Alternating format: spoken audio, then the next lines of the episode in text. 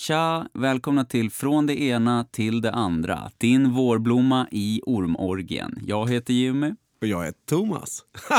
Jag heter- jag är Thomas. Och jag heter Thomas. Thomas heter jag. Det är jag som heter det. Thomas. Du låter ju friskare nu alltså. Jag är som en nötkärna.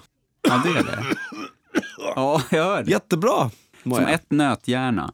Som en nöthjärna, så känner jag mig alltså. Härligt.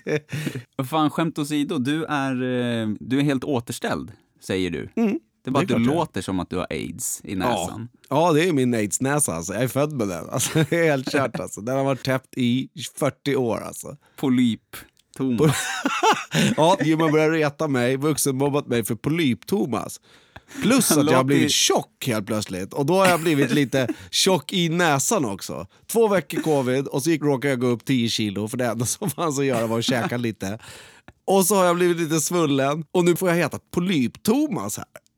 Thomas har alltså blivit kränkt igår av en våg.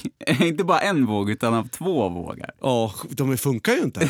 Som var jävligt samspelta. De var ju trasiga helt uppenbarligen. Visa samma gjorde de också. Sjukt alltså. Som jag testade på flera andra personer. Ja, och kränkte dem. Ställ dig på vågen. Och recap, jag har råkat ut för fetma. jag vet inte vad jag ska säga. Jag har gått upp i vikt. Jag har råkat ut för fetma. Jag älskar att du säger det också som att det bara har flugit på dig så som covid gjorde. Ja, det var ju samma. Det kom i samma veva. Du bara, ja. Jag fick covid och jag fick, jag fick corona och en släng av fetma. Ja, det var ju typ det som hände ju. Rakt av bara. Pang bom. Men för att tala klarspråk då, du har gått upp några kilo. Det är inget konstigt ju fan. Nej, men jag är ovan vid det. Mm. Och gå runt här. Det är ju det som är polyperna såklart. Det är därför jag låter så jävla snurrig. Jag har blivit fett i nyllet också ju. Så att näsan har svullnat igen. så fett har jag blivit alltså. Men eh, i påskavsnittet, påskäggmöken, där pratar vi om att eh, du känner dig som eh, Plura, men du Ja. i själva verket ser kanske ut lite som en mätt orm bara. Ja, kanske har, har lite svullen, lite mätt orm. Inte en sån där stor brontoorm. Mätt liten huggorm. Jag drar på mig min jävla nya baddräkt som jag har köpt. Jag är i våtdräkten. I våtdräkten ser du ut som en mätt dräktig huggormshona. Ja, lite så ja. Bara lite svullen, inte något konstigt överhuvudtaget. Nej, fan eller. Men det märks. Men det, du är mer besvärad av det än eh, coronan. Ja, fan ja. Corona gick ju över. Det här skiten verkar ju hålla. jag vet inte vad jag ska göra. Långtidsostbuk. Ja, lite gott ost ska man säga. Ja. Tisdagsost och kanske lite fredag, söndagsost. Jag gillar att det är du som pratar om det. jo men vad fan, jag måste ju peka på verkligheten och det som jag då känner är problemet när jag är ute och far på tomten nu alltså. Ja. När jag rullar fram över min gård. Du är mer besvärad över det än när din kompis som är chilenare kommer in i rummet och säger “Vad tjock du har blivit!” och pekar dig i ansiktet tre decimeter från ditt ansikte. Jag är så jävla van. Det är inte lika kränkande. Ja, nej, det spelar ingen roll. Det är så precis som en chilenare gör. Alltså. Skojar lite skit alltså. Så fort de hittar någonting, på bara. Och så skojar jag om det hur länge som helst. Det älskar jag alltså. Ja. Men nu när du snackar om Plura, att vi snackade om det i förra avsnittet och grejer, då är det ju Ja. det, är det som har ledit fram till att jag vägde mig. Ja. Jag gick ju aktivt in till sjuksysters rum och vägde mig på en digitalvåg. Och på den jäveln så stod det någonting som var alldeles för mycket så jag blev chockad. Plus att jag hade problem att få på den också. Så den buggade och laggade. Vet. Ja, och jag kommer in strax efter du har testat på båda vågarna flera gånger och liksom vänder dig om mot mig och bara Hä? Det ser rätt kränkt ut. Men glad ändå.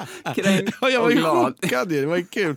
Och så en sån där, en sån där riktigt mekanisk våg som, är liksom, som fanns på badhusen förr i tiden, eller som alla sjuksyrror hade. Man flyttar tiotalen, alltså 10 kilo åt gången och så flyttar man grammen där uppe på, på en liten spak. Liksom. Så ska det stå jämnt liksom, Den- annars tippar den. Ja, fan, och den kan inte gå fel alltså. Den är, liksom, är den trasig då står den bara åt ett håll, för sån där har man ju givetvis hoppat sönder. Men... Och så finns det en ultramodern eh, digitalvåg precis bredvid. Ja, det var den jag tvivlade på mest. Så gick du mellan några gånger. Den ultradigitala alltså, för att den stod error på först i början när jag ställde mig på den och skit. Alltså, då tänkte jag, nej nu jävlar alltså. Ja.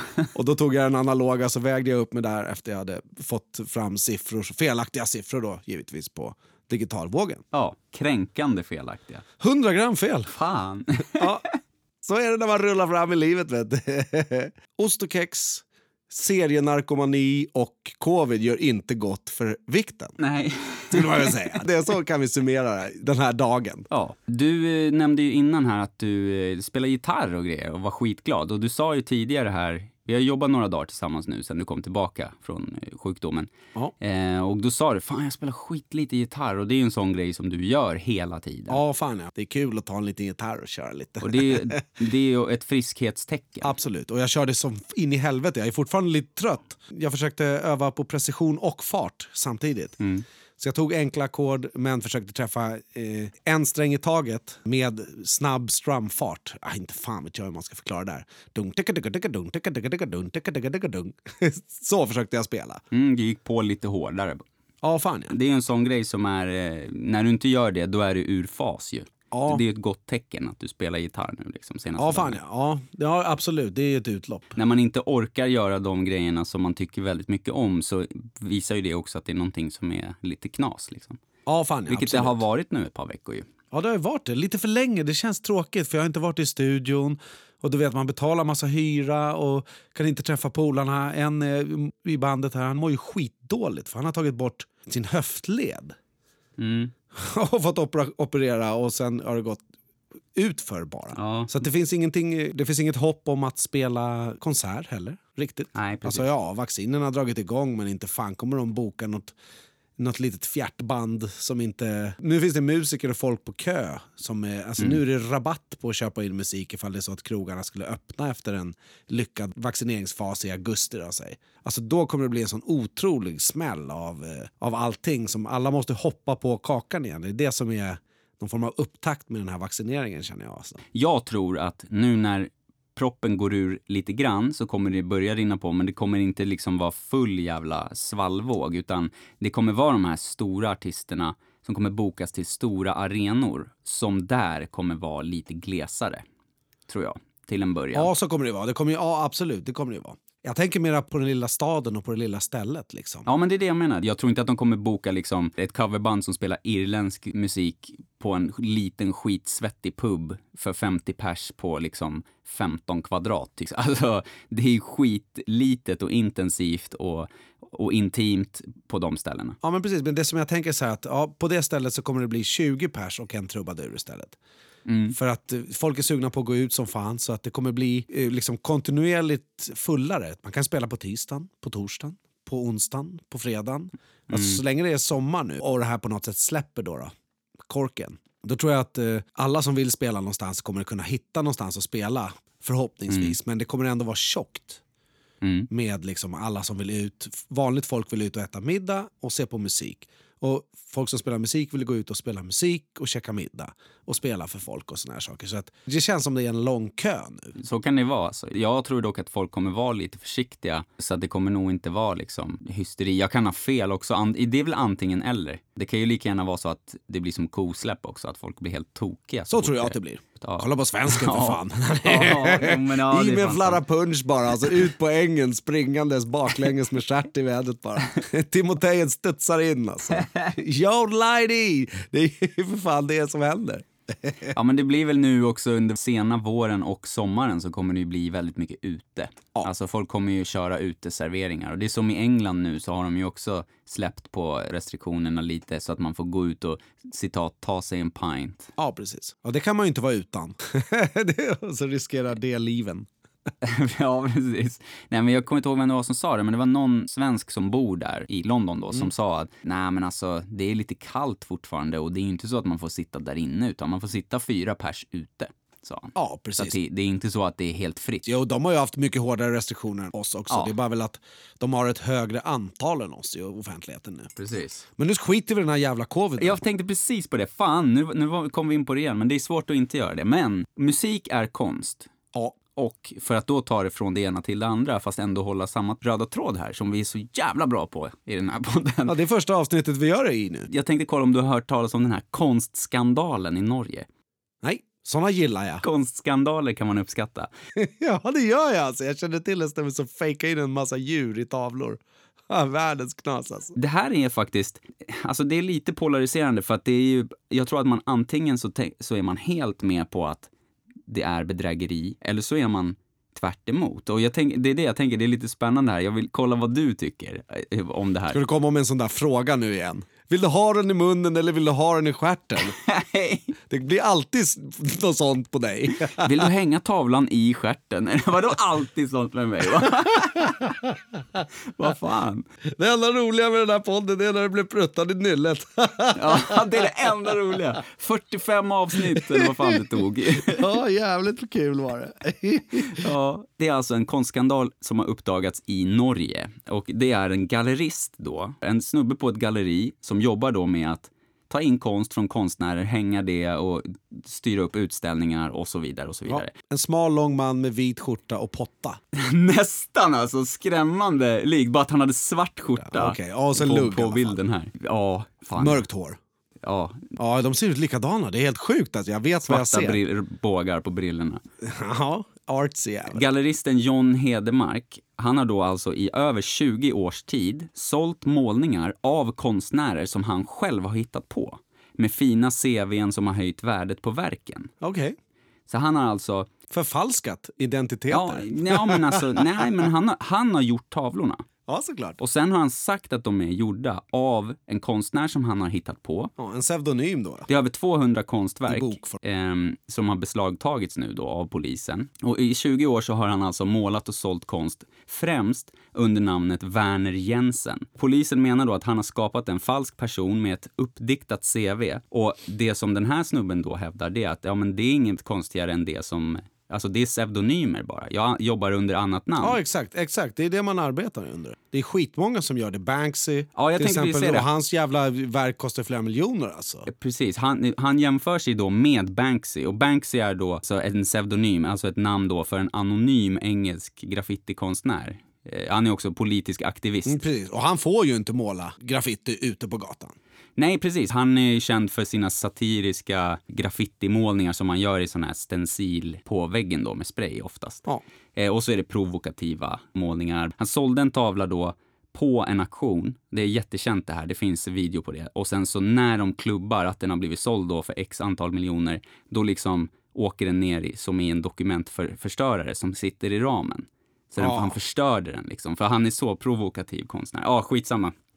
Eh, han jämför sig med Banksy då. Och liksom ingen vet vem Banksy är. Och då tänker han att ja, men då har jag också varit anonym och sådär. Men det problematiska då är att han har också sålt dem då som gallerist. Ja. Det är någon slags dubbel, eh, dubbelspel där. Lite. Ja men typ. Och snubben då, John Hedemark, han har beskrivit sitt eh, alter ego då, Werner Jensen, som en ansedd konstnär som bott och arbetat i Berlin och haft prestigefulla utställningar. Det är enligt polisen bedrägeri eftersom köparen då får en falsk bild av konstnären och konstens värde. För att i själva verket så är det bara en norrman som jobbar på ett galleri och han har inte verkat i Berlin då. Tycker det verkar samma som Max, det här är världens godaste hamburgare. Ja, typ alltså. Det är väl upp till individen för fan. Det är ju det. Och om man tänker då som musikartister då som liksom presenterar en image till exempel, eller att man man målar upp sig själv som någonting i marknadsföringen, fast så är man bara en ja, en vanlig trebarnsfarsa som sitter i garderoben och spelar in för att jämföra ja. med mig själv. Nu är det inte så att jag målar upp någon bild, men om man leker med tanken bara att jag skulle då släppa musik anonymt och hitta på ett namn. Jag skulle förvränga mig eller liksom måla mig eller ha... Lite som Marilyn Manson. Marilyn Manson, ja precis. Och skapar en, en image och säga att jag, ja, men jag är från New York, jag har varit på turné här och där. Visserligen är det ganska lätt att kolla upp nu med nätet och så, men vi säger ja. så bara för, för skojs skull. Är det då lurendrejeri liksom, att jag säljer den imagen? Alltså jag håller inte med snuten en sekund i det här fallet. Nej, jag gör inte heller det faktiskt. Och, och, det som har varit här då, det är att det blir så väldigt konkret för att då har ju folk liksom gått på vernissage då kanske på utställning och så har de då Kanske han har gått med på en tur till och med och berättat om den här konstnären och berättat upp en historia då. Sen har de sålts för tiotusentals norska kronor. Skitkreativt och bra. Och vill folk betala det som det konstkännare? också. Ja, fan, jag tycker hela skiten är en konstform. Ja. Det är snyggt. Jag tycker det var fiffigt. Och vill folk betala för konsten så betalar de ju ändå för den känslan som de får utav det de ser. Ja. Inte riktigt utav CVt, för det är inte så att han säljer tapeter under en designernamn utan han gör ju tavlor, han är inte designer. Typ. Nej, och då är det jävligt subjektivt. Norska polisen nu har, de uppmanar drabbade personer att kontakta dem. Och hittills har tio anmälningar om bedrägeri redan kommit in och sex anmälningar om förskingring. Det vet inte jag, liksom. det handlar väl om att han fifflar pengar Då. Men totalt visar anmälningarna på summor uppemot en miljon norska kronor, men polisen tror att det finns ett stort mörkertal. Mm.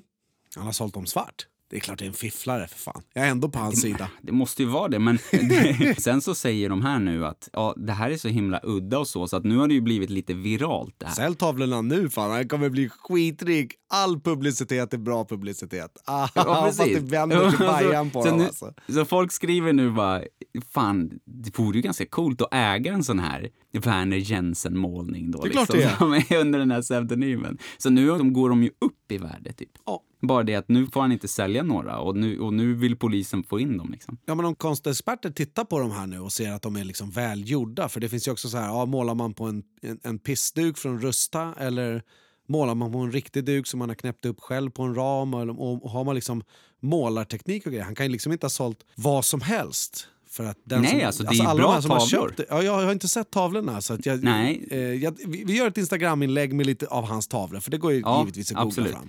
Eh, för det är jag nyfiken på att se nu när vi snackar om det, hur de ser ut liksom. Och eh, om det är någon teknik i det, om det är lager på lager eller vad fan man nu väljer att göra. Att man bara kan se en ansträngning i en tavla. Som, om jag skulle måla en tavla då ser man att det där är skit och det där kan man inte betala ett skit för. Det spelar ingen roll vad jag har för arsenal.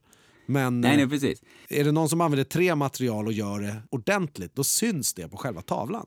Typ. Absolut. Jo, men det är mer tekniska detaljer. Det här då som de hävdar, eller det som de, som de poängterar, det är att han har sålt de här, alltså han har höjt värdet på dem genom sina fiktiva berättelser.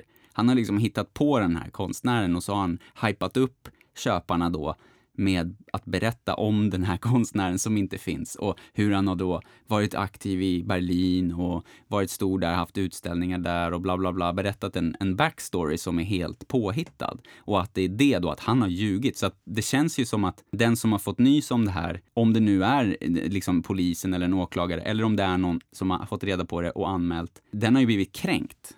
Det är ju det det handlar om känns det som Ja, det finns... personligt kränkt att liksom, va?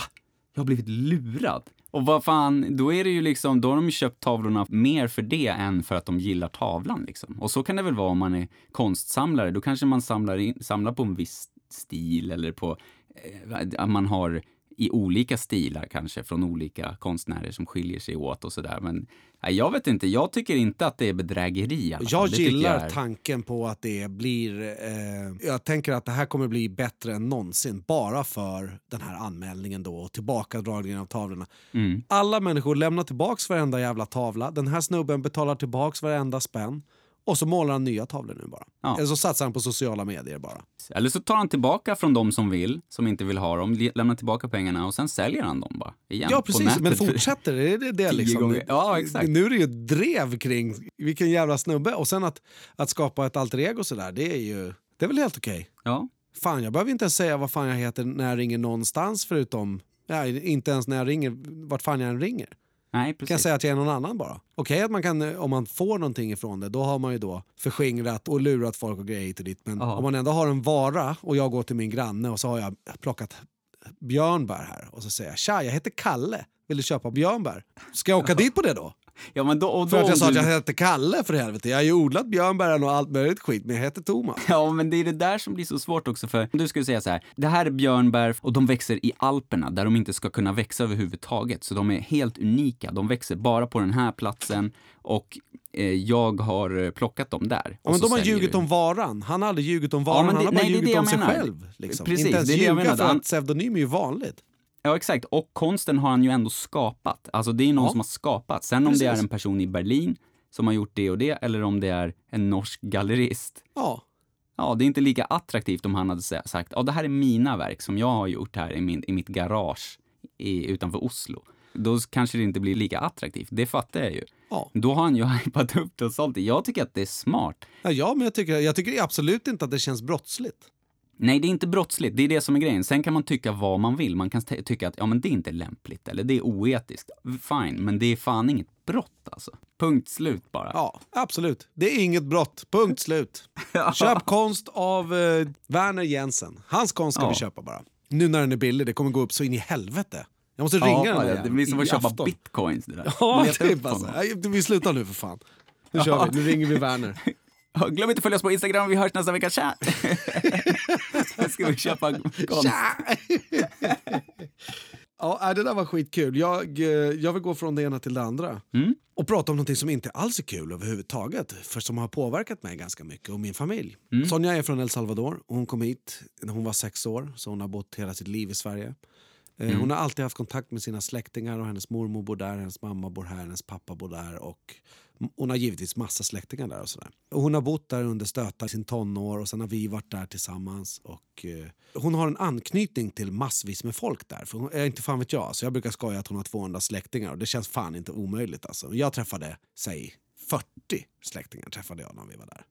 Mm. Och då har jag absolut inte träffat alla.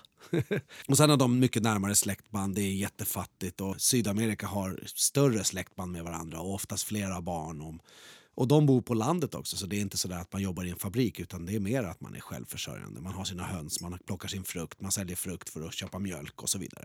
Ja, när vi var där då var det som hundra år tillbaks. Nu är det givetvis 5G och, och Ja. surftelefoner och såna grejer. Men det är ändå massvis med ins- infrastruktur som inte fungerar riktigt. Eh, Och Sonjas polare och släkting då, hon har en takterrass och eh, hon skulle tvätta av den. Man tvättar av takterrassen, man spolar den och sköljer av den och tvättar den så som man tvättar ett golv för att det är liksom i El Salvador där är det aldrig under 15 grader någonsin på hela året så man är ute mycket. Eh, Och då har hennes den här eh, kusinen då tvättat golvet, fyllt golvet och har en, en svabb då förmodligen med metallskaft och sen så har det kommit i kontakt med el. Oh, Zip, sa det. Och så dog hon. fuck. Ja, jag vet. Det där tycker jag känns vidrigt också. Jag märker att Sonja är ledsen och hennes mormor har varit där och, och brorsan till den här tjejen, så, alltså hon fick en elstöt så hon dog och hon satt ner när de hittade henne bara. Vet. Alltså att hon har fyllt på vatten där så som man gör när man svabbar vad fan som helst när man är ute. Eller oljar en altan eller någonting sånt där och sen så Mm. har väl förmodligen stått i vattnet då och sådär. Så pang bom bara. Elats ihjäl. Shit. Ja. Förlåt att vara en partypooper här men det, är- jag, det, jag vill prata om det som jag känner Nej, men jag... just nu. Ja, ja, självklart. Men vad, har det, är det nyligen? Alltså nu? Ja, fan ja. Det är fem dagar sedan eller någonting. Ja, okej, shit. Så det är alltså, ja det är nu. De vet inte vad som hänt, hänt riktigt men de vet att elen har liksom har ju, propparna har ju gått och såna här saker och hon satt där uppe död bara. Shit. Ja, så det har varit eh, lite trist. Hur gammal var hon? Eh, ja, bara några år äldre än Sonja. Säg att hon är 40, 40, mellan 40 och 45 då. Ja. Har egna barn och, och Ja. du vet, en brorsa och de har haft det struligt hela livet. Alltid struligt där på något sätt. Men ändå har de lyckats fixa saker och gjort det bra för sig själva och fixat ett hus och har barn och du vet såna här saker. Så Ja. gick det åt helvete och jag tror att äldsta sonen var 15. Du vet, så det, är Ja. sån, här- det är sån här grej. Det är lite hjärteskärande. Tycker att det är vidrigt. Ja, verkligen. Fy fan alltså. Det vill jag ha velat sagt till dig för det är skönt att prata om det man pratar om hemma någonstans. Ja, Men jag har inte sagt absolut. det för jag tänker att jag ska Absolut. prata om det här. För att Ja. Nu blev det en jävla sväng ifrån det, det där Ja, nej, men, det, om. men det, är, så- det är så vi jobbar också.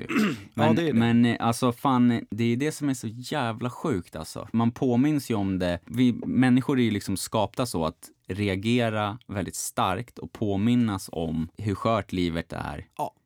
Men sen glömmer vi det. Det tar liksom ett, två dygn typ. Och sen så glömmer man det. Eller liksom lär sig leva med det. Och det är det som gör att man kan fortsätta. Precis det. Alltså, I samband med det här så har jag tänkt att okej, det där var en olycka. Hon gjorde någonting som hon har gjort hundra gånger. Ja. Och sen är det en kabel som har lossnat ur ett uttag eller en lampa som har gått sönder eller en eh, huvudströmkabel som har lossnat ifrån stolpar eller vart fan den har varit bunden eller vad fan som helst. Alltså, man får inte reda på dödsorsak riktigt utan mer av vad som har hänt bara.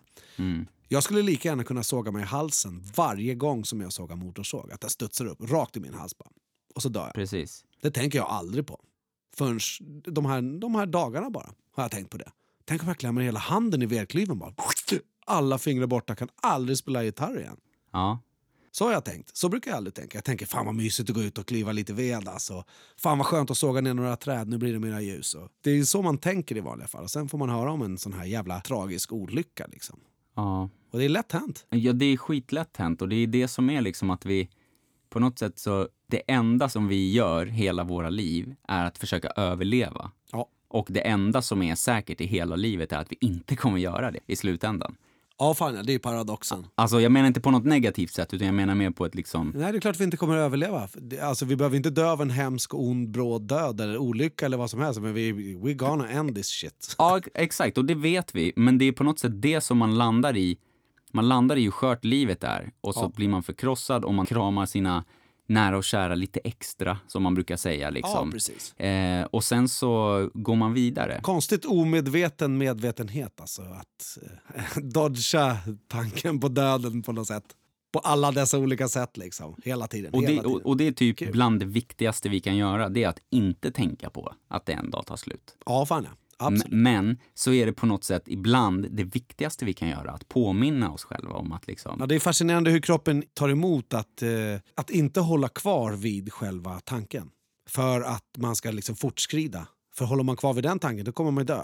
Fortare känns det som. ja det är paralyserande, man funkar ju inte, man går sönder. Ja, det, det går inte att gå runt och tänka på de Man skyddar sig genom att automatiskt tänka positivt om farliga grejer. Och saker, olyckor och skit som man inte vet om. Så som man försöker dodga cancer liksom.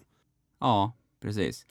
Och det är ju så på något sätt att folk tycker generellt att det är svårt att fånga dagen. Alltså vi tänker ofta på saker som ska komma, saker som har varit. Vi har ganska svårt att vara centrerade, alltså med båda fötterna på jorden, här och nu. Ja. Och bara njuter av liksom det som är just här och nu. Det är alltid någonting liksom som man måste tänka på lite längre fram, vare sig det är om fem minuter. Ja, just här och nu är ju jävligt korta stunder. Ja, precis. Men på något sätt så är det det som är hela tiden ändå. Det är liksom nuet. Men att vi människor har så svårt att vara i nuet, men att vi ändå är så pass bra på att skydda oss från tanken på att det kan gå åt helvete vilken sekund som helst. Ja. Det är motsägelsefullt, men det är ändå på något sätt hoppfullt för att Ja. då är vi ganska bra på att ändå bara leva och inte tänka på så jävla mycket. Utan att vi lever. Men lever man fullt ut då, om man liksom, man lyckas skydda sig från tanken att man kanske kan dö vilken sekund som helst eller att man kan få en elchock eller barnet kan ramla ut genom fönstret eh, för att spärren släppte helt plötsligt. Lite evolutionsperfektion skulle jag vilja säga. På något sätt. Man skyddar sig samtidigt som farorna finns Mm. för att man stålsätter sig. Det är liksom inget medvetet val riktigt så som man kan tänka att man väljer andra saker utan det är mera underläggande som är okontrollerbart. Men man kan tänka på det och aktivt försöka göra fast inte leva sitt liv genom det. Man kan ju tänka på det på olika sätt också för att man kan ju tänka så här, okej, om hundra år finns inte vi överhuvudtaget, så vad spelar det för roll? Man kan säga det på två olika sätt. Alltså man kan säga så här, okej men vad spelar det för roll? På ett positivt sätt, som att liksom fuck it, alltså jag kommer ändå, ja vad gör det om hundra år som man brukar säga. Ja.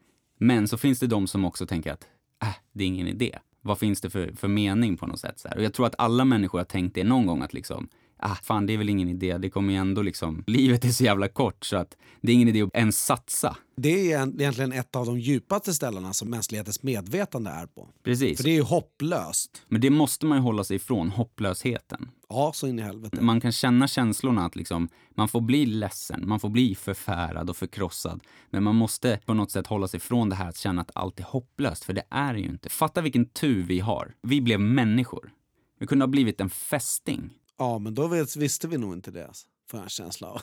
Nej men det är det jag menar. Jag, alltså, jag menar bara, vi, vi, vi, jo men eller vad fan som helst, en dagmask eller, eller en jävla, ett löv. Som också lever på sitt sätt. ja, eller en mygga. Eller en dagslända. Det, ja, eller en, dags, Ja, jag, eller en dagslända. Det jag menar är att vi vann fucking lotteriet alltså. Vi kan inte slösa den vinsten. Att vi, vi blev människor. Just du och jag blev också människor på en plats på jorden där det inte är krig. Vi har haft en trygg uppväxt, vi har inte behövt leva på flykt och så vidare. Det kan man ju också tänka. Men om man bara utgår ifrån att alla människor har samma förutsättningar rent fysiskt och Ja, att man är en art på jorden. Ja, precis. Och att få bli en människa då, det är ju liksom en vinst. Man kan inte tänka det som någonting negativt, utan vi har ju liksom värsta möjligheterna att leva, ja, om vi har tur då, då. Jag utgår från det i hela det här resonemanget. Om vi har tur då, 80 till 100 år som människa. Det är ju, det är ju awesome. Det är häftigt att tänka, att, att bolla sig själv till att, eh, ja, som det är inom buddhismen, att man återföds och man kanske blir någonting annat och grejer. Det känns som, man har, som du säger, att det är en vinstlott att vara så, så pass medveten som man är. Ja, precis. Det också. Men, och jag menar inte liksom att, att så här, vi är bättre än alla djur och så vidare. För att allting, allting lever Och hör ihop. och allting lever på något sätt i, och hör ihop i symbios på den här planeten. Nu, och det är inte så flummigt som det kan kännas kanske, utan det jag menar är bara att man kan inte. Jag påminner mig själv om, om jag känner mig deppig och går runt och är deppig en dag eller vad fan som helst, eller när det blir längre perioder som det har blivit tidigare i livet. Nu tänker jag bara att, åt helvete med det där. Jag kan inte tänka så, Nej. för att det är nu det händer. Ja, På något precis. sätt. Nu spelas musiken, nu dansar vi. Vi kan inte tänka på vad som händer när det tar slut. Liksom. Det, det kan vi inte göra. Vi måste på något sätt fortsätta njuta av musiken, njuta av dofter, njuta av varandras sällskap, njuta av upplevelser och så vidare. Ja. Det är det enda vi kan göra ju för fan. För att vilken sekund som helst kan det gå åt helvete. Jag håller med 100 procent. Som sagt, man, det kan vara att man, det händer någonting, någon förlorar ett barn liksom, som man är inte så nära men ser på Facebook, någon bekant eller sådär. Och, och så blir man helt jävla ställd och bara... Ja, då sätts man ju in i den här uh, hopplöshetsfacket. Precis, man kastas in. Ja, man kastas alltid in i det facket. Och så är man bara där lite, lite tag bara. Ja, och så kommer de här tankarna. Vad fan håller jag på med? Varför tänker jag på de här grejerna? Jag är rätt säker på att de flesta kan relatera till det. Att Liksom, Då kommer de här tankarna. att, Vad fan håller jag på med hela tiden? Det enda som spelar någon roll det är att jag får fan krama min familj idag. Det är typ där man hamnar då. Liksom. Ja, exakt. Precis. Eh, och man brukar säga så här, jag har, eh, jag har en eh, gammal vän, en gammal bekant som, eh, som har fått eh, cancer i livmodern, livmodershalsen. Så det är inte kul alltså, alls. Och lång, det är jättedålig prognos för det och grejer och, och långt gången och, och liksom, det ser jävligt mörkt ut. Jag hade tänkt att, för det här har pågått ett tag också och det är inte så att liksom, jag kommunicerar inte så mycket med henne liksom och, och jag går inte runt och tänker på henne hela tiden men jag ser i flödet och sådär och hon har en, en son som är lika gammal som min son som är autistisk och hon är nu så här bara liksom, det går upp och ner. Hon är positiv vissa dagar och sen vissa dagar så bara fan, jag, jag kan inte jag kan inte lämna mitt barn liksom, som har det så svårt också. Och jag, hon är ensamstående mamma, det enda barnet och så vidare. Men det jag skulle komma till, det var att det jag märker nu, när jag ser hur hon liksom pendlar i känslorna och hur hon uttrycker och, och sådär, det är att vi friska människor, vi vill en miljon saker hela tiden. Ja, Men en person som är så sjuk vill bara en sak. ja exakt. Bli frisk. Och det är en påminnelse. Ja, fan ja. Att få vara frisk liksom. Och sen så när man är frisk och man har allting, då vill man så jävla mycket annat. Och det är det jag menar med att det är svårt att vara i nuet. Ja, Man vill så mycket, man har ambitioner, man gör planer och man måste lösa problem och det där måste jag göra, det där måste jag göra. Men och sen kommer en sån där sak som kastar en bort från Ja. alla de sakerna som du precis rabblade upp. Den tar en till en, en annan plats på något sätt. Ju. ja, precis. Det är tänkvärt och det är som sagt liksom, både du och jag, vi kan ju liksom reflektera kring de här grejerna och prata om de här grejerna. Vi brukar ju göra det, alltså som innan vi började podda, vi har ju gjort det länge, pratat om de här grejerna utan att bli 100% den känslan i det vi pratar om. För det här vi pratar om nu, det är bland det läskigaste man kan prata om alltså. Ja, Känner jag ja. personligen. Det Ja, är, fan ja, absolut. det är vidrigt. Och det är, ja, precis. Och det är väldigt lätt att fastna i det. Men man måste på något sätt träna sig själv i att kunna vidröra det utan att liksom falla ner i hålet på något sätt. Mm. Att kunna titta där, att kunna vara lite familjär med de känslorna och sen gå vidare bara liksom. Ja, precis. Det var någon som sa till mig förut att om man jämför med mörker då liksom, för vilket det är, det är mörker när man mår Ja, dåligt eller när man Ja, är rädd eller ensam eller sådär. Och det går inte att komma ifrån mörkret genom att stanna i det. Nej, absolut inte. Utan man måste liksom bort Ja, man måste treva sig fram. Ja. Eller vända sig. Ja. ja, Mm. Exakt. Absolut. Men eh, åter till det som du pratade om också som har hänt. Det är sådana där saker som på något sätt så kommer det närmare och närmare och ju äldre man blir, desto fler känner man som blir äldre och blir sjuka, går bort och sådär. Men sen är det sådana här fruktansvärda tragedier som när en, en ung, relativt ung människa går bort eller ett barn eller, Ja. alltså du vet så här, då blir det på något sätt ännu, Ännu starkare. Ja, ännu starkare och mer omtumlande. Ja, människan som art kanske behöver 60-70 år på att förlika sig lite med döden. Precis. Jag säger inte att det ska vara så för alla eller är så för alla. Eller något. Jag är absolut inte där överhuvudtaget. Jag är, det är vidrigt tycker jag. Hela döden-grejen alltså. Jag, Ja, det försöker jag ju dodga. Men jag arbetar mig själv med det alltså. Vi har ju pratat om det lite tidigare i Jag, podden. jag men- vet men, också i mitt liv att jag har sagt att jag inte... Alltså, jag kommer inte känna någon som dör. Det har jag sagt. Jag vet att jag har sagt det i Mm. mitt liv när jag var 14 eller något. Mm. Och det gör man ju givetvis. Men det här som, som jag nämnde också, att, vi- att vi har en, en miljon saker som vi strävar efter eller tänker på hela tiden och sådär.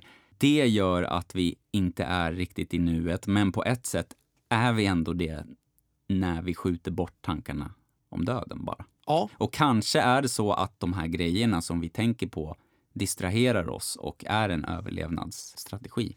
ja. Att man liksom oroar sig för små saker eller inte oroar sig heller utan planerar och ja man fyller sin hjärna med annat än, äh, än slutet på något sätt. ja. Vilket det nu är. Men det är ju också en sån grej att då får man aktivt, tror jag, och det har i alla fall jag gjort. Eh, jag ska inte säga att då får man göra så, utan jag har i alla fall börjat att ersätta tråkiga tankar, alltså typ att åh, jag måste göra det där, oh, det där, åh, jag har inte tänkt på det där.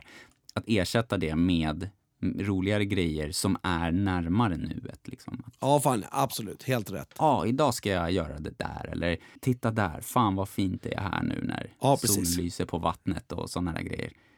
Ja, det var ju piss.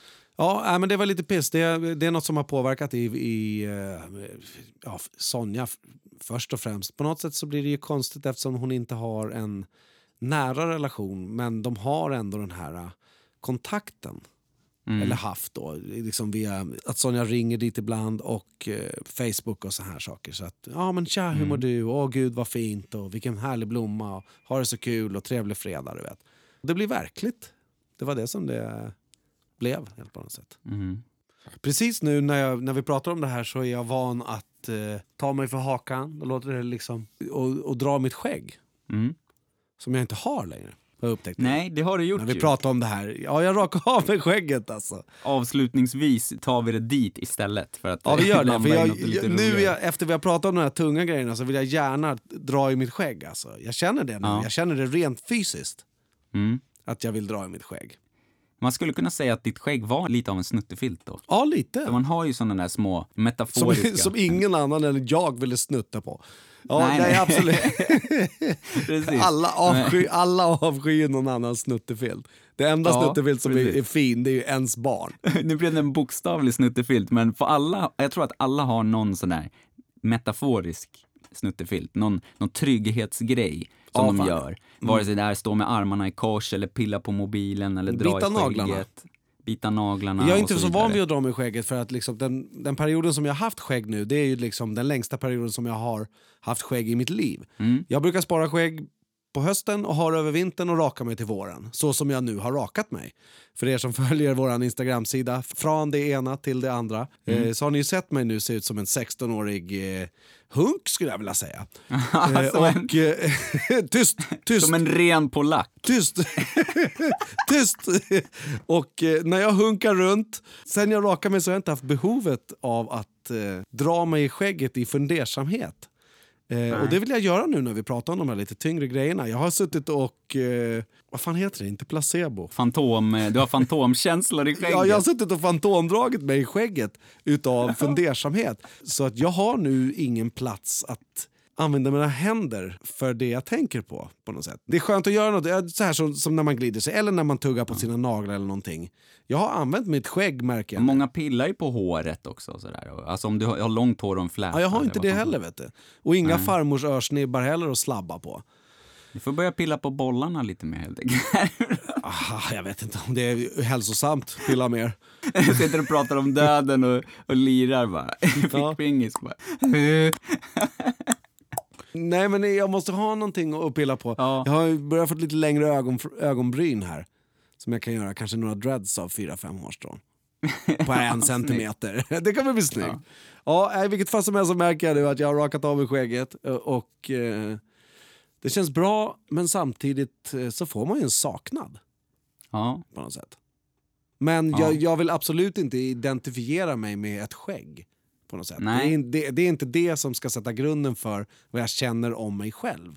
På något sätt. Nej precis. Det är helt ovidkommande. Men det var skönt. Och du kanske gillar det mycket och då får man ju tillåta sig själv att ah, men det här gillar jag, nu ska jag ha så här. Precis som om man liksom, Ja, precis. Jag har aldrig märkt det förut med den här att spara på vintern, ha lite musch ett tag, raka av mig och busa och leka med min, min hårighet på något sätt. ja. Det har jag aldrig haft, men nu känner jag mig lite näck.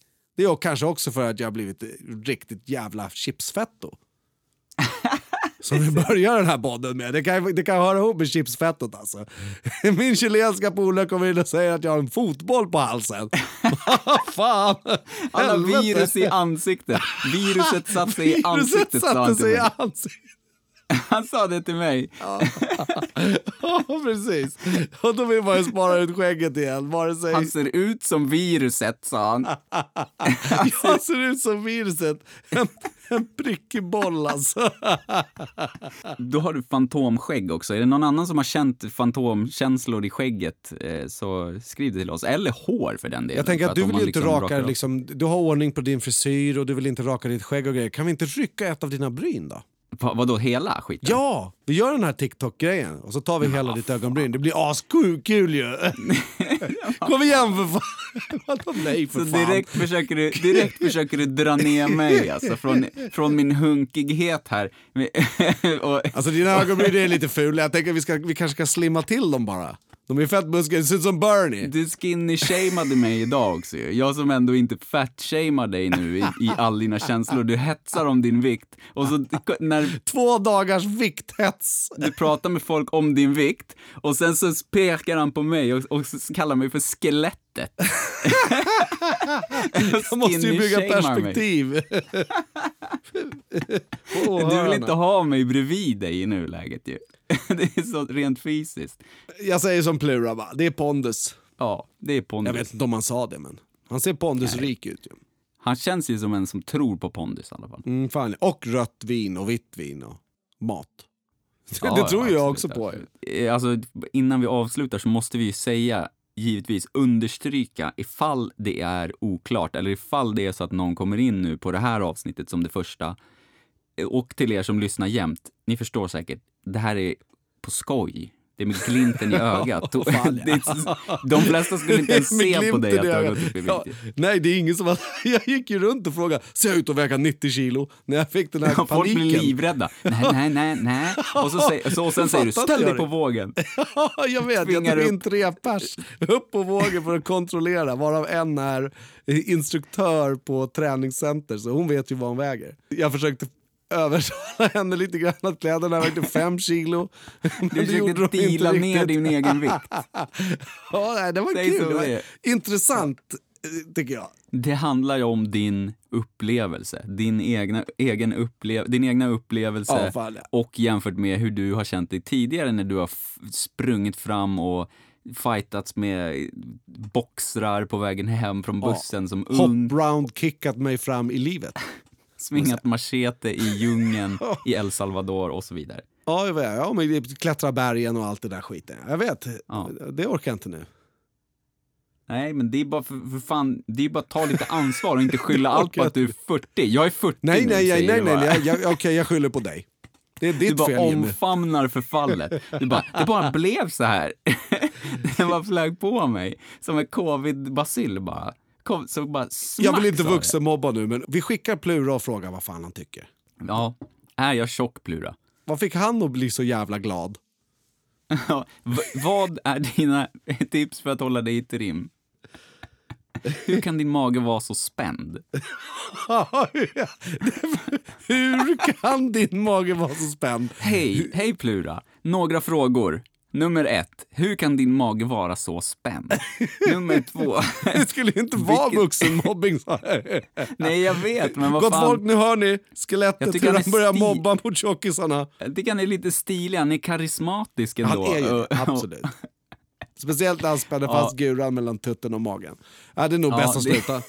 ja, vi, vi tar det rundar av nu, men vi är dumma i huvudet och ni vet det. Och har ni lyssnat nu i en timme på oss igen när vi snackar så här så vet ni att det kan gå lite från det ena till det andra. Och därför döpte vi podden till det.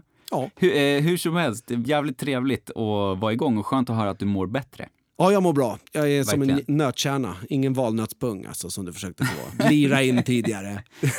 ja, nej, hur det än är. Vi är Ja. rädda för döden, men jag älskar dig och alla andra. Ja, detsamma. Och eh, det är ju fantastiskt att få känna och att eh, kunna prata om det, våga pra- prata om det. Och, eh, Absolut. Vi vill ju gärna höra vad ni tycker. Och är det så att ni vill ha någonting med, alltså att ni vill typ ha en fundering eller en fråga med i, liksom, i podden eller att vi spelar upp eran fråga eller någonting så kan ni skicka så här röstmeddelande till oss på Instagram. Om man håller in den mikrofonen så kan ni bara säga hej Jimmy och Thomas, jag tänkte på det här och det här och det här. Ja. Det kan ni göra även om vi inte ska ta med det i podden, bara skicka till oss. Eller så skriver ni till oss. Ja, eller tänker- skickar en video med ett kul filter. Ja, precis. Eh, och vi körde också en eh, Instagram live. Eh, vi skulle köra en liten stund där när jag skulle kolla hur du mådde och för att vi skulle testa hur det var. Eh, det var jävligt kul. Det var några som hängde med oss där och eh, det blev en halvtimme när vi bara skulle köra några minuter. Så det kommer vi fortsätta med. Vill ni se oss live i våra livesändningar på Instagram som vi tänker att vi ska fortsätta med lite tätare framöver och lite annat smått och gott så följ oss på Instagram från det ena till det andra. Eller på Facebook, från det ena till det andra med Jimmy och Thomas heter vi där, givetvis. Yes. Ha en skitbra vecka allihopa så eh, hörs vi nästa måndag. Vi säger god morgon.